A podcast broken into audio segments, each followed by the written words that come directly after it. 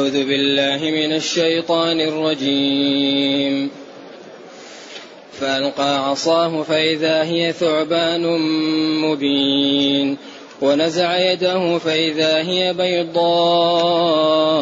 للناظرين. قال الملأ من قوم فرعون إن هذا لساحر عليم.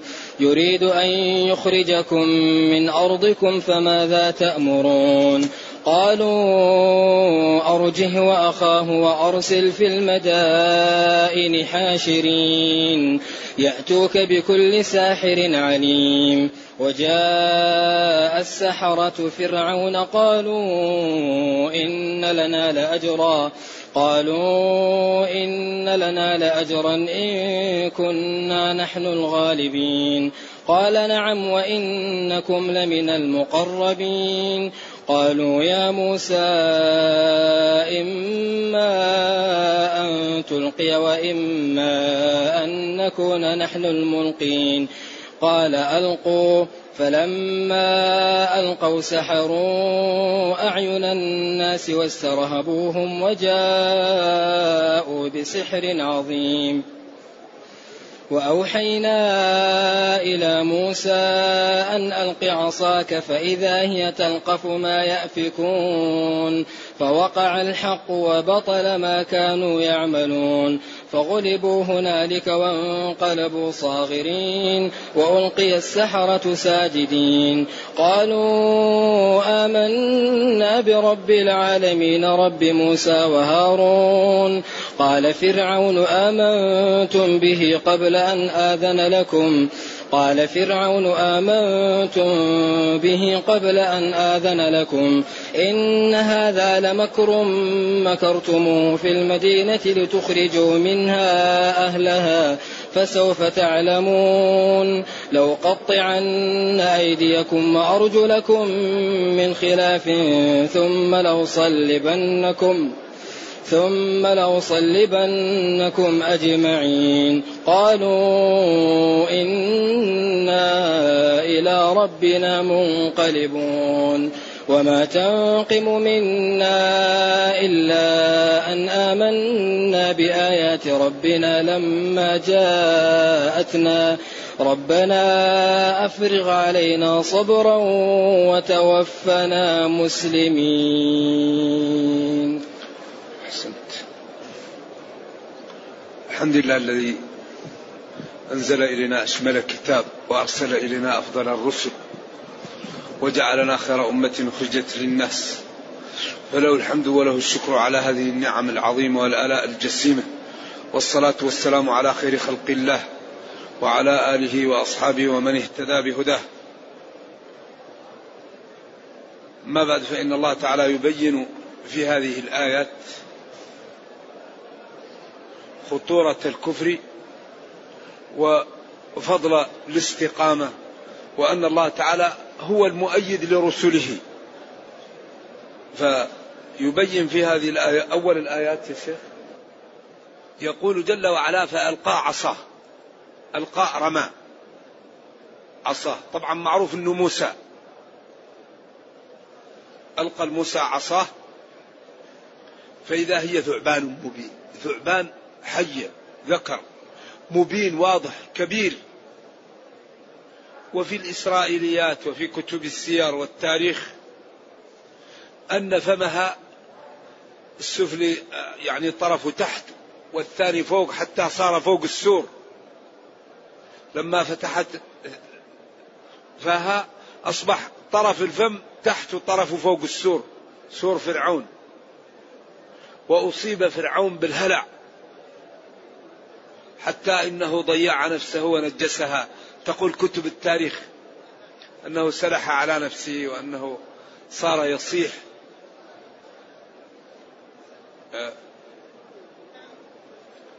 ونزع يده من جيبه فإذا هي بيضاء من غير سوء لا برص فيها. وهذا قال العلماء إن موسى كان شديد الأدمة. ونزع يده فإذا هي بيضاء للناظرين كالثلج. قال الملأ من قوم فرعون إن هذا لساحر عليم. قال الملأ الجماعة من قوم فرعون إن هذا أي موسى لساحر عليم بالسحر. يريد أن يخرجكم من أرضكم فماذا تأمرون. ولذلك شيعوا أنه يريد أن يخرج القبط من مصر. وهو يريد أن يأخذ بني إسرائيل. لكنهم كذبوا عليه وتقولوا لكي يتشجعوا على مقاومته وعلى جمع قواهم لغلبته. قالوا أرجه أخره وأخاه معه وأرسل في المدائن حاشرين. أرسل في المدائن والقرى حاشرين يجمعون لك الناس يأتوك المدا... الذين أرسلتهم بكل ساحر عليم. عليم بالسحر. وفي القراءة الأخرى سحار. قالوا جمع آلاف مؤلفة من السحرة. الذي يقول تسعمائة ألف ساحر. والذي يقول ثلاثون وأربعون. وكل هذه إسرائيليات. لا, لا هناك شيء من السنة ولا من النصوص يدل على قدرهم. وجاء السحرة فرعون.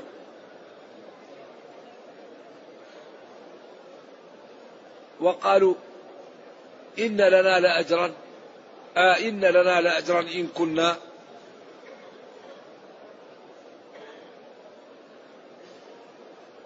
نحن الغالبين. إذا نحن بسحرنا تغلبنا على موسى. لنا أجرة تعطينا جائزة مكافأة. قال نعم نعطيكم جائزة ونجعلكم أصحاب حظوتي ومجلسي. وتكونون قريبين مني. قال نعم.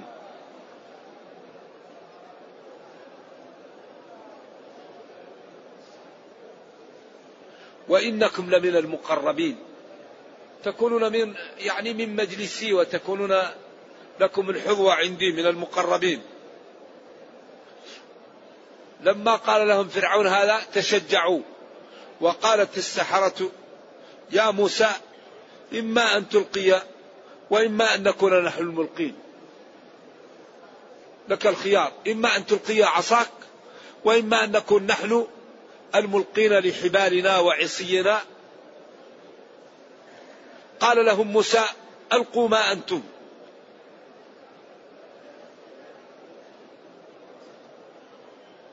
قال لهم موسى قال ألقوا. اختصر معهم. قال لهم موسى ألقوا في السورة الأخرى ما أنتم ملقون.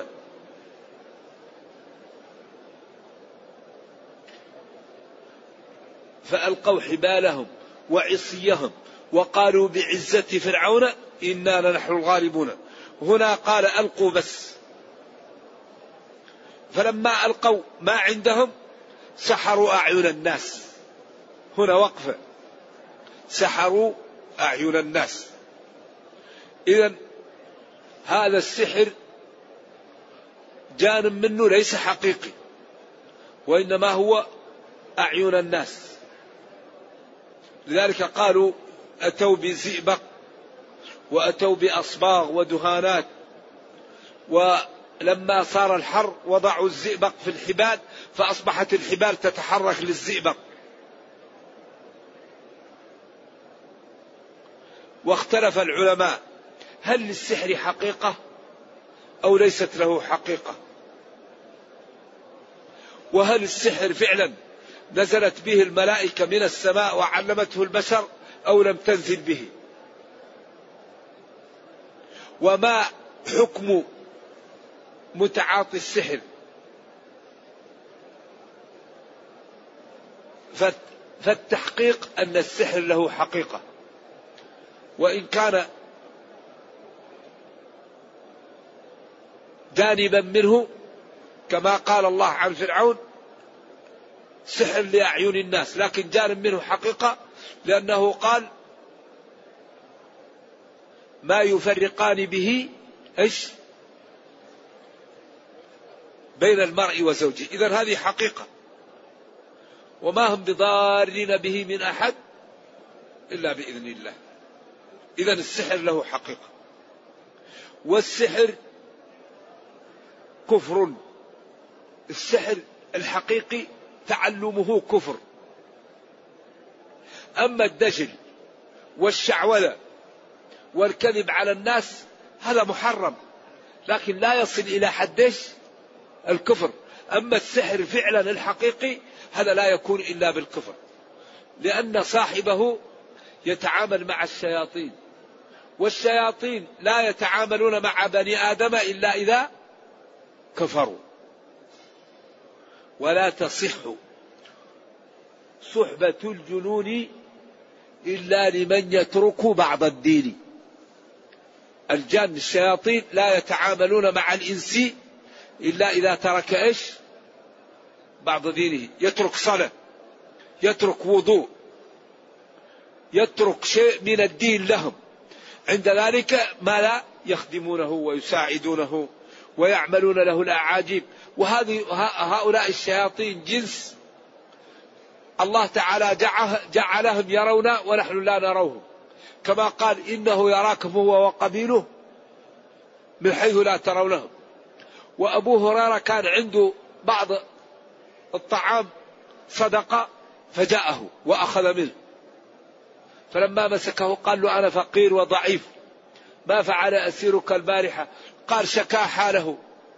قال له وقال إنه لن يعود؟ قال أما إنه سيعود. في الليلة الثانية جاء قال له أنا ضعيف. كان في حوش محطوط فيه شيء من مال الصدقة تمر أو شيء فيأتي ويأخذ منه.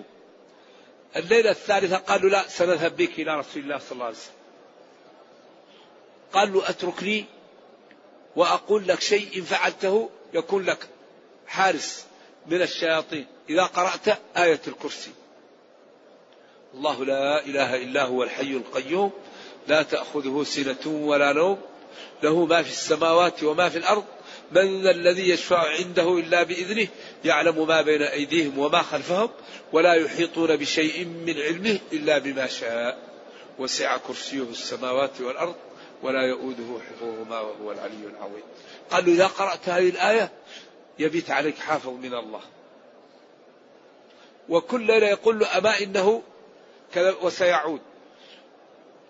المرة هذه قال له صدقك وهو كذوب. وهو كذوب جمعة جملة حالية. أي صدقك في حال اتصافه بالكذب. إذا هذا خلق من خلق الله سلطه الله على بني آدم وبالأخص من لا يصلي ولا يذكر الله ولا يتطهر. هذا يركبه الشياطين. أما المسلم المطهر النظيف الذاكر لله الشياطين لا يقربونه يخافون ويبتعدون منه. ما يقدروا. وإنما يأتوا لمن؟ لمن لا يتطهر ولا يذكر الله ولا يتنظف ولا يصلي ولا يصوم ويكون بيت فيه الشياطين. فالشياطين مع شياطين أما إذا كان المسلم مصلي متطهر ذاكرا لله الشيطان إذا رأى سالك طريق ما لا؟ يهرب. ولذلك قال النبي صلى الله عليه وسلم لعمر لما دخل وابتدرت النساء بالحجاب. فضحك النبي صلى الله عليه وسلم وقال ما يضحك يا رسول الله؟ اضحك الله سنك. قال هؤلاء كن يرفعن أصواتهن عندي فلما جئت ابتدرن بالحجاب والسكوت. قال يا عدوات أنفسكن ما لكن ما لكن تهبن لي ولا تهبن رسول الله. قالوا رسول الله رؤوف رحيم بنا وأنت شديد. قال له إيه يا ابن الخطاب؟ ما رآك الشيطان سالك فجا؟ إلا سلك فجا آخر. ولذا قال إن عبادي ليس لك عليهم سلطان. إنما سلطانه على الذين يتولونه. لذلك هذا الشيطان يتلبس. قال الذي يتخبطه الشيطان من المس.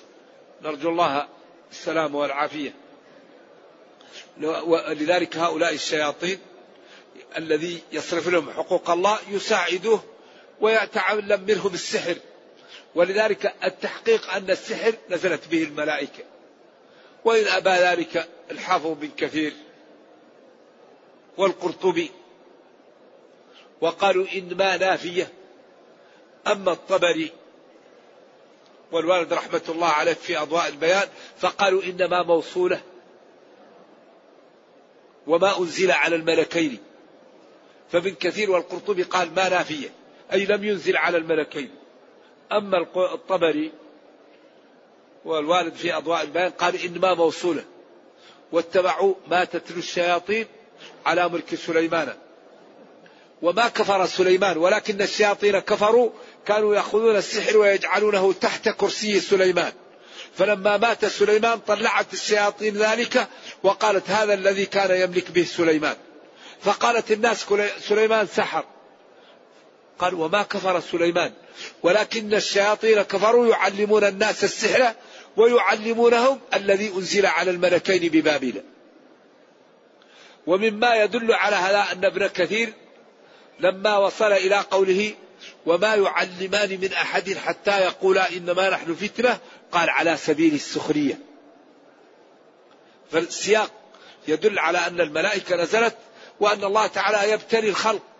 نبلوكم بالشر والخير فتنة. إن الله مبتليكم بنهر فمن شرب منه فليس مني. ليبلونكم الله بشيء من الصيد تناله أيديكم ورماحكم, ورماحكم ليعلم الله علما تقوم به الحجة من يخافه بالغيب. إذا هذه ابتلاءات. إذا وما يعلمان من أحد حتى يقولا أي الملكان إنما نحن فتنة. ابتلاء واختبار فلا تكفر. فيتعلمون منهما ما يفرقون به بين المرء وزوجه وما هم بضارين به من أحد إلا بإذن الله. بعدين قال ويتعلمون ما يضرهم ولا ينفعهم. إذا تبين أن السحر لا خير فيه لأنه يضر ولا ينفع. وبعض العلماء يقول حل السحر يجوز لكن بالقرآن وبالفاتحة وبسورة البقرة. أما حل السحر بالسحر فهذا التحقيق أنه لا يجوز. لأن في الحديث لم يجعل الله شفاء أمتي فيما حرم عليها. فالسحر تعلمه مشكل وتعاطيه مشكل وحد الساحر ضربته بالسيف. لحديث بجالة اقتلوا كل ساحر وساحرة. فلذلك السحر الحقيقي كفر وتعاطيه جريمة وحد صاحب وعقوبة متعاطيه أن يقتل. ومن العلماء من يقول يقتل إذا قتل بسحره. أما إذا لم يقتل يقتل بسحره يؤدب. وقد سحر النبي صلى الله عليه وسلم. والحديث الصحيح حتى صار يخيل إليه الأمر. ثم جاءه الملائكة وقالوا ما بالرجل قالوا مطبوب قالوا وما به قال به لبيد بن الأعصم ما فعل به قال سحره في جف طلع في بير ذروان ثم ذهب إلى البير ونزعوا ماءها ونزعوا السحر وكان في عقد. والله شفى النبي صلى الله عليه وسلم وتركه وقال لا أريد أن نحدث شيئا الله شفاني. ويجب أن يفرق بين الشعوذة والسحر وبين الرقية الشرعية. فالسحر كفر. والشعوذة ضلال وجريمة. والرقية الشرعية مباحة. لكن الرقية الشرعية يقرأ الإنسان القرآن يقرأ سورة البقرة يذكر الأدعية التي وردت الأدعية التي وردت عن النبي صلى الله عليه وسلم وعن الصحابة وعن السلف يعمل بها فهذا جائز. ولذلك قال هل لا يعني لما لا يعمد أحدكم إلى أخيه ويقتله الرجل الذي رأى صاحبه وهم في طريق الحج. قال جلدك ولا جلدك جلد يش العروس. فتلطع جلده. فقال أصل لأخيك. إذا أعان الشخص للشخص ينبغي أن يصل له ويتابع في ذلك النصوص الواردة. المهم أن الرقية الشرعية مباحة. وأن الدجل لا يجوز وأن السحر كفر. إذا فيه رقية شرعية مباحة فيه دجل وكذب ويعني نصب على الناس هذا محرم وضلال. وفيه سحر كفر. فينبغي للمسلم أن يتقي الله ويبتعد عن الشبه وإذا أراد أن يعمل شيئا يعمل ما هو متفق على إباحته. إذا يقول جل وعلا قالوا يا موسى إما أن تلقي وإما أن نكون نحن الملقين. إما أن تلقي أنت وإما أن نكون نحن الملقين. كأنهم عظموا أنفسهم و كأنهم خففوا من أمره. ما قالوا إما أن تلقي أنت. قال ألقوا. قال موسى لهم ألقوا. فلما ألقوا سحروا أعين الناس واسترهبوهم خوفوهم وجاءوا بسحر عظيم. قيل حبال لا نهاية لها وأمور وطبول وصياح وأعمال تخيف وترهب. وأوحينا إلى موسى أن ألق عصاك. أوحينا إليه بأن ألق عصاك. فإذا هي تلقف ما يأفكون تبتلع كل ما حطوا تبتلعه العصا. تبتلع ما يأفكون يكذبون. فوقع الحق. ثبت الحق وظهر وبطل ما كانوا يعملونه. الذي كانوا يعملون أو بطل عملهم. لأن العصا معجزة لنبي والسحر أمر كذب وكفر وضلال فبان كذب السحر وضلاله وظهر أن العصا آية من آيات الله معجزة. فغلبوا هنالك في ذلك المكان وفي ذلك الموقف العظيم وانقلبوا صاغرين. فرعون إيش؟ وقومه وألقي السحرة ساجدين.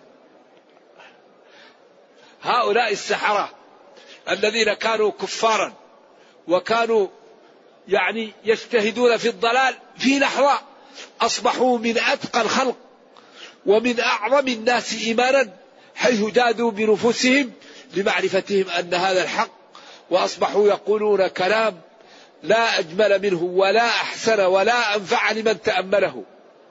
لن نؤثرك على ما جاءنا من البينات والذي فطرنا. فاقض ما أنت قاض إنما تقضي هذه الحياة الدنيا. إنا آمنا بربنا ليغفر لنا خطايانا وما أكرهتنا عليه من السحر والله خير وأبقى. إنه من يأتي ربه مجرما فإن له جهنم لا يموت فيها ولا يحيا. ومن يأته مؤمنا قد عمل الصالحات فأولئك لهم الدرجات العلى جنات عدن. أصبحوا دعاة. أصبح أمرهم إمر عجيب. وقالوا في الشعراء لا ضير. إنا إلى ربنا منقلبون. لا ضرر لا خوف لا بأس لا يهمنا. إنا إلى ربنا منقلبون. إنا نطمع أن يغفر لنا ربنا خطايانا. أم كنا أول المؤمنين في هذا الموقف وفي هذا المحفل العظيم. لذلك هذا الإيمان إذا خالطت بشاشته القلوب الله أكبر. لا يقاوم صاحب الإيمان. ولا يمكن أن يرد بل يتلذذ بالعقوبة على دينه. ولا يرى ذلك إلا عزا ورفعة.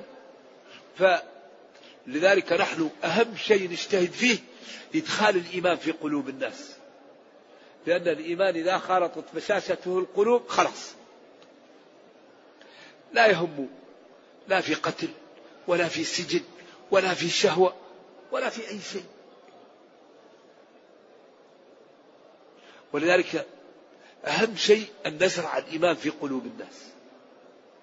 هؤلاء السحرة لما رأوا العصا وكانوا أبصر الناس بالسحر أيقنوا أن العصا ليست من السحر. إذا ما هي؟ إذا هي وحي هي شيء من الله. فالإيمان أرغمهم على السجود. وقال فألقي السحرة ساجدين. وقالوا لا ضير. وقالوا لن نؤثرك على ما جاءنا من البينات. وهنا طوى القصة وقال وألقي وألقي السحرة ساجدين الإيمان في قلوبهم أرغمهم على السجود. قالوا آمنا برب العالمين برب الكون. رب موسى وهارون اللذان اللذان جاءانا بهذه المعجزة العظيمة التي أيقنا بها أنهم صادقون وأن ربنا هو المعبود بحق. وأن فرعون كذاب ودجال وأن ما عنده إلا الشعوذة والسحر. قالوا آمنا برب العالمين رب الكون. هذا رب الكون هو رب موسى وهارون.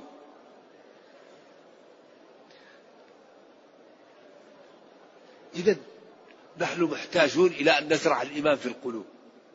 إذا زرع الإيمان في القلوب لا شهوة لا خوف لا تهديد. لذلك أعداؤنا أهم شيء يغلبوننا به أن نبتعد عن الدين. أكبر شيء يهزم المسلمين الابتعاد عن الدين. المعاصي. عدم فهم العلم. عدم فهم شرع الله. عدم تمثل الأوامر. عدم اجتناب النواهي. هذا الذي يأتي به الخلل للمسلمين. لذلك انظروا إلى نبي الله يوسف. لما غلقت زليخة الأبواب. وقالت ما لا؟ هيت لك ماذا قال. قال معاذ الله. هذا العلم. العلم. إنه ربي أحسن مثواي إنه لا يفلح الظالمون. وهؤلاء قالوا آمنا برب العالمين. رب موسى وهارون. ذلك لا يوجد شيء أنفع من العلم. العلم تقرأه لتنال وظيفة. فالعلم يرغمك على الإخلاص. العلم تقرأه لتنال منصبا فالعلم يرغمك على الإخلاص. العلم تقرأه لتنال حظوة في المجتمع فالعلم يرغمك على الإخلاص. لذلك من فائدة العلم أنك تتعلم لأي شيء فإذا تعلمت تتغير نيتك وغصبا عنك تخلص. قال بعض السلف تعلمنا العلم لغير الله فأبى العلم أن يكون إلا لله. العلم أمر عجيب. العلم يعطيك متعة النوم ومتعة السفر ومتعة النظر ومتعة السلام ومتعة المخالطة ومتعة الخلوة. كل شيء تجده ممتع إذا تعلمت وعملت بعلمك. الحياة تكون لها طعم. والنوم له طعم والسفر له طعم والنظر له طعم وغض البصر له له متعة. فالمتعلم حياته كلها خير وكلها لها معاني وكلها لها سر وكلها لها قصد. أما الجاهل مسكين يريد أن يتطهر يتنجس يريد أن يكرم يؤذي يريد أن يقع في الحلال يقع في الحرام. فالجاهل مثل المسكين الأعمى. حياته كلها نجسة. فلذلك الحق حري بنا أن نتعلم.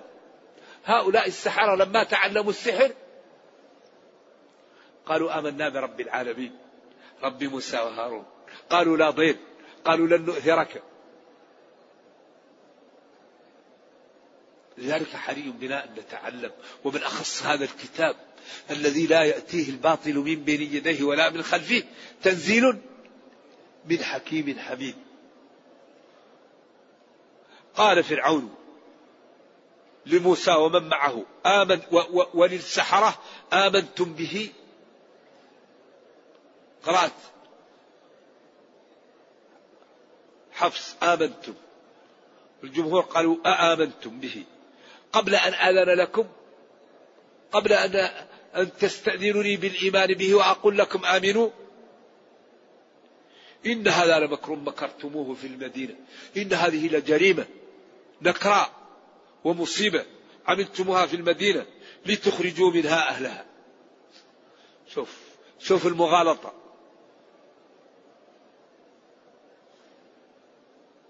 فسوف تعلمون ماذا أفعل بكم. لأقطعن أيديكم وأرجلكم من خلاف. رجل اليسرى واليد اليمنى. لأن هذا يضعف كثير. ثم لأصلبنكم أجمعين. أصلبنهم بين في الآية الأخرى أنه يصلبهم على جذوع النخل وهي أكثر الأشجار يعني يعني عدم تساوي لأن فيها الكرناف وفيها الأشياء هذه فيكون إذا من صلب عليها يكون أذيتها أكثر. ولأصلبنكم في جذوع النخل. في الآية الأخرى. قالوا قال السحرة إنا إلى ربنا منقلبون. نحن ميتون وراجعون إلى ربنا.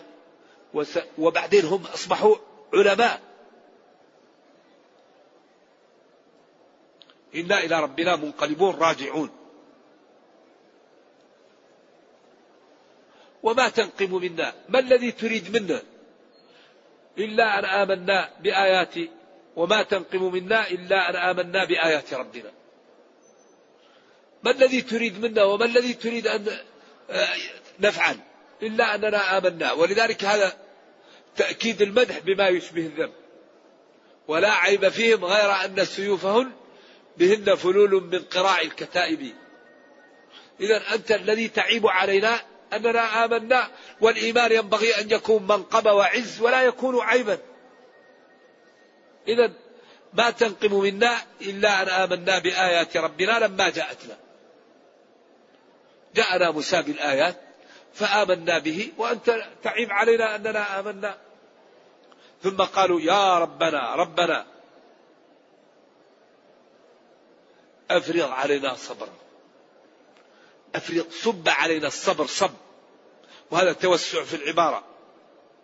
وتوفنا مسلمين. وأمتنا على الإيمان.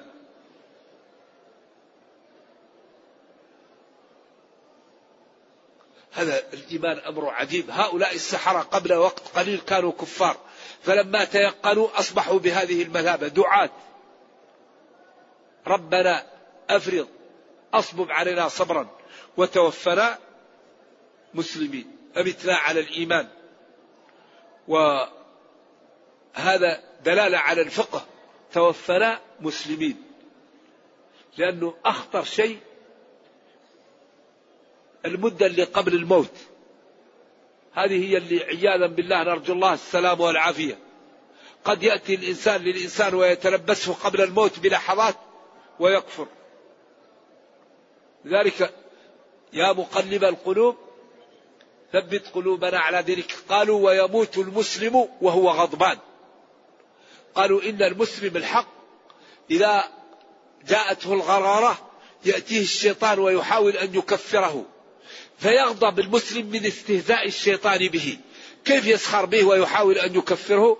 فتأتيه المنية وهو غضبان لأنه يحاول أن يصارع الشيطان. كيف الشيطان يهزأ به ويقول له يكفر؟ فتأتيه المنية وهو غضبان لأن الشيطان يحاول أن يكفره.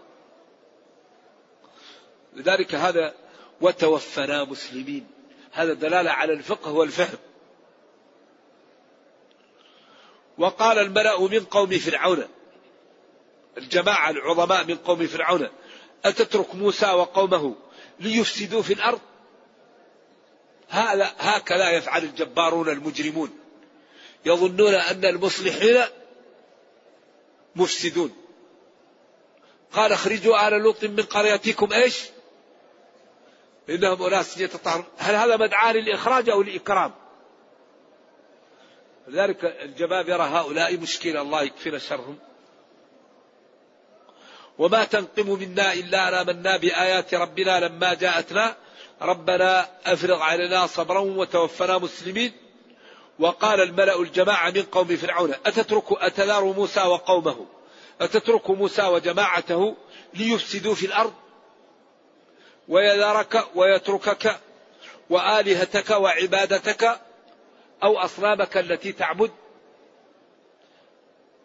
يذر جاء منها المضارع والأمر أما الصياغ الأخرى لم تستعمل. ترك وتركا ولكن يذر وذر بس. الأمر والمضارع. أما الماضي والمصدر واسم الفاعل واسم المفعول لم يأتي من هذا الفعل. العرب استعملت منه المضارع والماضي. ويتركك وآلهتك آلهتك يعني عبادتك أو أصنامك التي تعبد. قال سنقتل أبناءهم ونستحيي. وهذا يدل على أنه وقع إيش؟ مرتين. المرة الأولى عند ميلاد موسى. وأوحينا إلى أم موسى أن أرضعيه فإذا خفت عليه فألقيه في اليم. ولا تخافي ولا تحزني إنا رادوه إليك وجاعله من المرسلين. أمران ونهيان. وبشارتان في أقل من سطرين. أن أرضعيه فإذا خفت عليه فألقيه في اليم. ولا تخافي ولا تحزني. إنا رادوه إليك وجاعله من المرسلين. أمران ونهيان وبشارتان في أقل من سطرين. إذا هذا الدين وهذا الكتاب لا يقاوم. أبدا. فأول نزل عليه الوحي وحي الشيطان طبعا اللي هو جاءه الكهنة وقالوا سيولد لولد ويزول مل ويزول ملكك على يديه. فأصبح يقتل أبناءهم. فلما كثر القتل أصبح سنة يقتل وسنة يترك. فهارون ولد في السنة الذي لا يقتل وموسى ولد في السنة الذي يقتل فيها. فأخذته أمه ووضعته في تابوت ورمته في الماء. فأصبح كل ما رأى أحد أحبه قال وألقيت عليك محبة مني. ولذلك القدرة الهائلة فرعون يريد أن يقتل موسى والله قدر أن يتربى في بيته ويقتله. ولذلك فالتقطه آل فرعون ليكون لهم عدوا وحزنا. ما يقوله ما يقوله جلة علماء البلاغة أن اللام لام العاقبة ولام الصيرورة لا غلط. اللام لام كي. وما تشاءون إلا أن يشاء الله فأشاء الله التقاطهم له لكي يجعله لهم عدوا وحزنا. إذا هذه القدرة هائلة هو يقتل ويعمل ويحتال وهو يتربى في بيته ويموت على يديه. إذا الله هو المخ... هو الفاعل يدبر الأمر الكبير المتعال. إذا من يغالب الله مغلوب. إذا هذه المرة الأخرى بدأ يقتل أبناءهم ويستحيي نساءهم المرة الأخرى. هنا.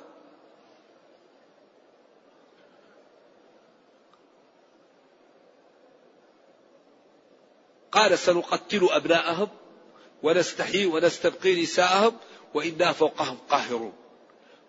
فوقهم غالبون مستعلون عليهم. لنا القوة والغلبة وهم ضعاف. قال موسى لقومه استعينوا بالله. الله أكبر. استعينوا بمن؟ بالله. أطلبوا العون من الله. السين والتاء تدل على الطلب. أطلبوا العون من الله. استعينوا بالله. واصبروا. إذا من يستعين بالله ويصبر لازم تكون العزة والغلبة له. إن الأرض لمن؟ لله. يورثها من يشاء من عباده والعاقبة للمتقين ونحن إن شاء الله استعنا بالله وصبرنا واتقينا فالعاقبة لنا. لذلك يعني الذي يسير على نهج الأنبياء وعلى ما رسم له لا يمكن أن ينال منه. الذي يسير على الشرع الذي يسير على الحق لا يمكن أن ينال منه.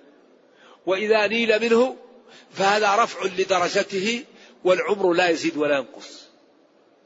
من أراد العزة فليستقيم ومن أراد الجنة فليستقيم ومن أراد الغنى فليستقيم ومن أراد المتعة فليستقيم. لأن الذي يطيع ربه الله قادر ولا يضيع أجر من أحسن عملا. فحري بنا أن نكابد الطاعات؟ الطاعات لا بد من مكابدتها. والذين جاهدوا فينا. والذين جاهدوا فينا. الذي لا يجاهد الطاعة والإيمان لا يقوى إيمانه. وهذه الدنيا مخلوقة بما لا بالمسببات. تقوم بالسبب تنال المسبب. لا تقوم لا تنال. ولذلك كل واحد منا ينبغي أن يكون حيث يضع نفسه. فمن أراد الجنة طريقها واضحة ومن أراد الغنى طريق واضحة ومن أراد العلم طريق واضحة ومن أراد المحبة وأن يحبه الناس ويحترمونه طريق واضحة. وكل شيء مبين. لذلك جاءنا كتاب تبيان لكل شيء لا يأتيه الباطل من بين يديه ولا من خلفه حري بنا أن نقرأه. وأن نفهمه وأن نتأدب بآدابه وأن نعمل به. هذا الكتاب لا توجد قضية إلا وهي مبينة فيه. تبيانا لكل شيء. ما فرطنا في الكتاب من شيء. كل ما نحتاج إليه موجود في هذا الكتاب. إذا لا بد أن نقرأه. لا بد أن نتمثله. لا بد أن نمتثل أوامره. نجتنب نواهيه. نتأدب بآدابه. فإن فعلنا ذلك الله يضمن لنا أمرين. يصلح لنا دنيانا ويصلح لنا أخرانا. وأي شيء أعظم من أن تصلح للعبد دنياه وأخراه. ولكن هناك معوقات عن الله لا بد لنا أن نقاومها حتى نصل إلى الجنة. هناك معوقات عن السير إلى الله. لا بد أن نجتهد ونقاومها حتى ندخل الجنة. ولعلنا في الدروس السابقة نبين هذه المعوقات ونشرحها ونبين كيف الإنسان إن شاء الله يكون عبدا مستقيما لربه. نرجو الله جل وعلا أن يرينا الحق حقا ويرزقنا اتباعه وأن يرينا الباطل باطلا ويرزقنا اجتنابه وأن لا يجعل الأمر ملتبسا علينا فنضل. اللهم ربنا آتنا في الدنيا حسنة وفي الآخرة حسنة وقنا عذاب النار. سبحان ربك رب العزة عما يصفون وسلام على المرسلين والحمد لله رب العالمين. والسلام عليكم ورحمة الله وبركاته.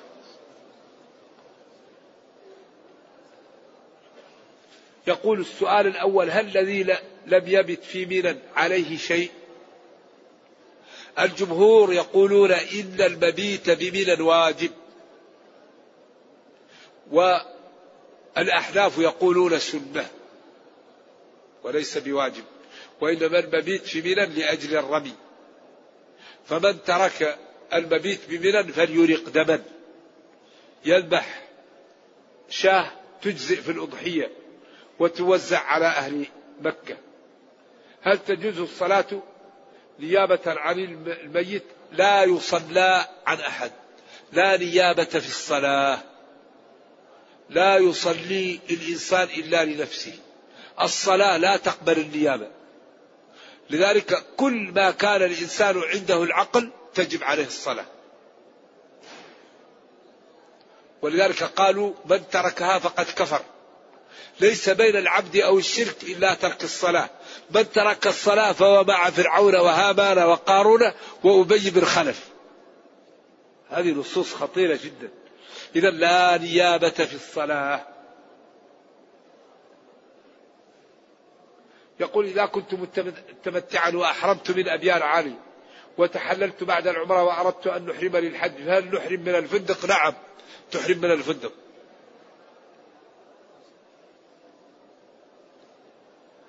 نعم يقول هناك من يقول من العلماء يجوز فك السحر بالسحر والعياذ بالله ما حكم ذلك؟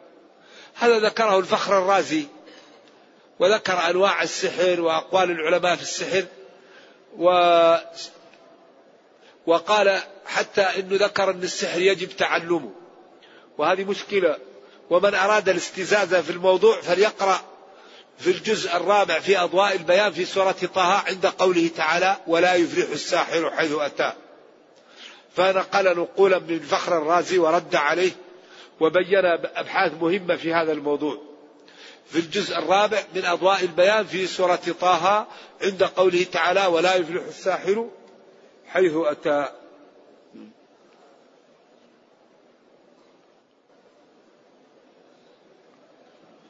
يقول هم في السودان في جوامع فيها قبور هل تجوز الصلاة فيها؟ نعم تجوز الصلاة في, القبر في المسجد إذا كان المسجد بني قبل القبر. أما إذا كان المسجد بني على القبر هذه تكون مشكلة. وإن, لم ت... وإن وجدت مسجد آخر صلي فيه. إن لم تجد صلي إن شاء الله ولا شيء عليك. نعم. يقول الله واجب الوجود. هل هو سبب كل موجود؟ ما تفسير هذا. كان الله ولا شيء. ولذلك بعض غير المتأمل عابوا على شيخ الإسلام وقالوا إنه يقول بحوادث لا أول لها وهو لم يقل هذا. وإنما قال أن الله تعالى أوجد الكون وما من وقت إلا ويمكن أن الله أوجد الكون قبل ذلك وكان الله ولا شيء. ولذلك هذه الأمور أخطأ فيها خلق لا يعلمه إلا الله. أيوة لأن الله هو الذي أوجد الكون. ولذلك الذين أولوا الصفات والذين أوقعوا آخر صفة تبقى عندهم صفة الوجود. فإذا قالوا الله موجود فمن قال لا كفر العبد موجود فإن قال لا كذب. يقول الله موجود والعبد موجود. إذا يقول هذا واجب الوجود لأنه هو الذي أوجد الكون. والعبد جائز الوجود. نقول واجب الوجود صفاته متعالية كالخالق. وجائز الوجود. صفاته متحاقرة كالمخلوق وبين الصفة والصفة كما بين الخالق والمخلوق. والعرب الأقحاح لم تكن عندهم مشكلة لأنهم يعرفون كلمة خالق وكلمة مخلوق. فصفات الخالق متعالية كالخالق وصفات المخلوق متحاقرة كالمخلوق ولا عندهم مشكلة. لكن لما ترجمت كتب اليونان وقالوا لا نحن لا نعرف استواء إلا كاستواء المخلوق والنص إن وهم غير اللائق بالله كالتشبيه بالخلائق فاصرفه عن ظاهري. وقالوا لا نعرف استواء إلا كاستواء المخلوق. إذا نقول استولى ونقول هذا الاستيلاء منزه. نقول عجيب. تأتي بكلمة من نفسك وتنزهها. نزه ما وصف الله به نفسه. لذلك هذا الأمر خطأ واضح. يقول كيف النجاة من هذه الفتن التي تتلاطم ومن وهي شديدة. ولا نجد العون. الحمد لله المسلمون بخير والقرآن بين والسنة بينت والإنسان يعتزل الفتن. القائم فيها خير من الساعي والماشي خير من الساعي والقاعد خير من الواقف والنائم خير من الجالس.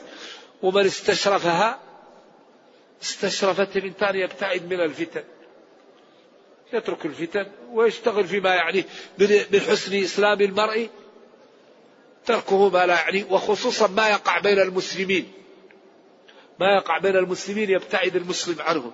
نرجو الله السلام والعافية. ولذلك يبتعد ويشتغل فيما ينفعه. نعم. ولذلك قال دعوته أن لا يجعل بأس أمتي بينهم. إيش؟ فلم يعطني. أن لا يهلكهم بسنة عامة ولا يسلط عليهم عدوا من سوى أنفسهم.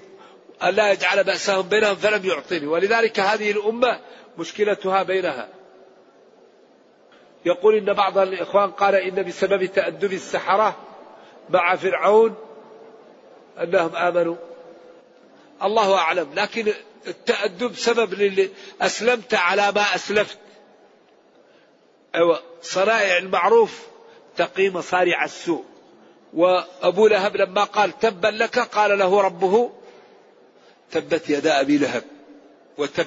لما سارع إلى الكفر حكم عليه بالشقاء. لذلك المسارعة للخير خير والمسارعة للشر شر. يقول جاء متمتعا حاجا متمتعا فهل يمكن أن يدفع الهدي الآن؟ أو إذا بدأ الحج. يمكن تدفعه الآن أو أي وقت. يقول هو يسكن جدة والآن جاء هنا لعمل ويريد أن يحج. فما لا يفعل إذا ذهب إلى جدة في اليوم الثامن أو السابع من ذي الحجة. وهل أصبحت من أهل المدينة؟ لا إذا أردت الذهاب إلى الحج لا تتعدى الميقات إلا وأنت محرم. هن أي المواقيت؟ لهن لأصحابها. ولمن أتى عليها من غير أهلها ممن أراد الحج أو العمرة. أي إنسان يريد الحج أو العمرة يمر بالحليفة لازم يحرم منها. أي إنسان مثلا يمر من أهل المغرب لازم يحرم من الجحفة. أي إنسان يمر بهذه المواقيت أي واحد من هذه المواقيت وهو ذاهب لمكة فلا يتعداها إلا بالإحرام. هن أي المواقيت لهن. ولمن أتى عليهن من غير أهلهن ممن أراد الحج أو العمرة. فالمهم أنك لا تتعدى الميقات اللي في طريقك إلا وأنت محرم. نعم.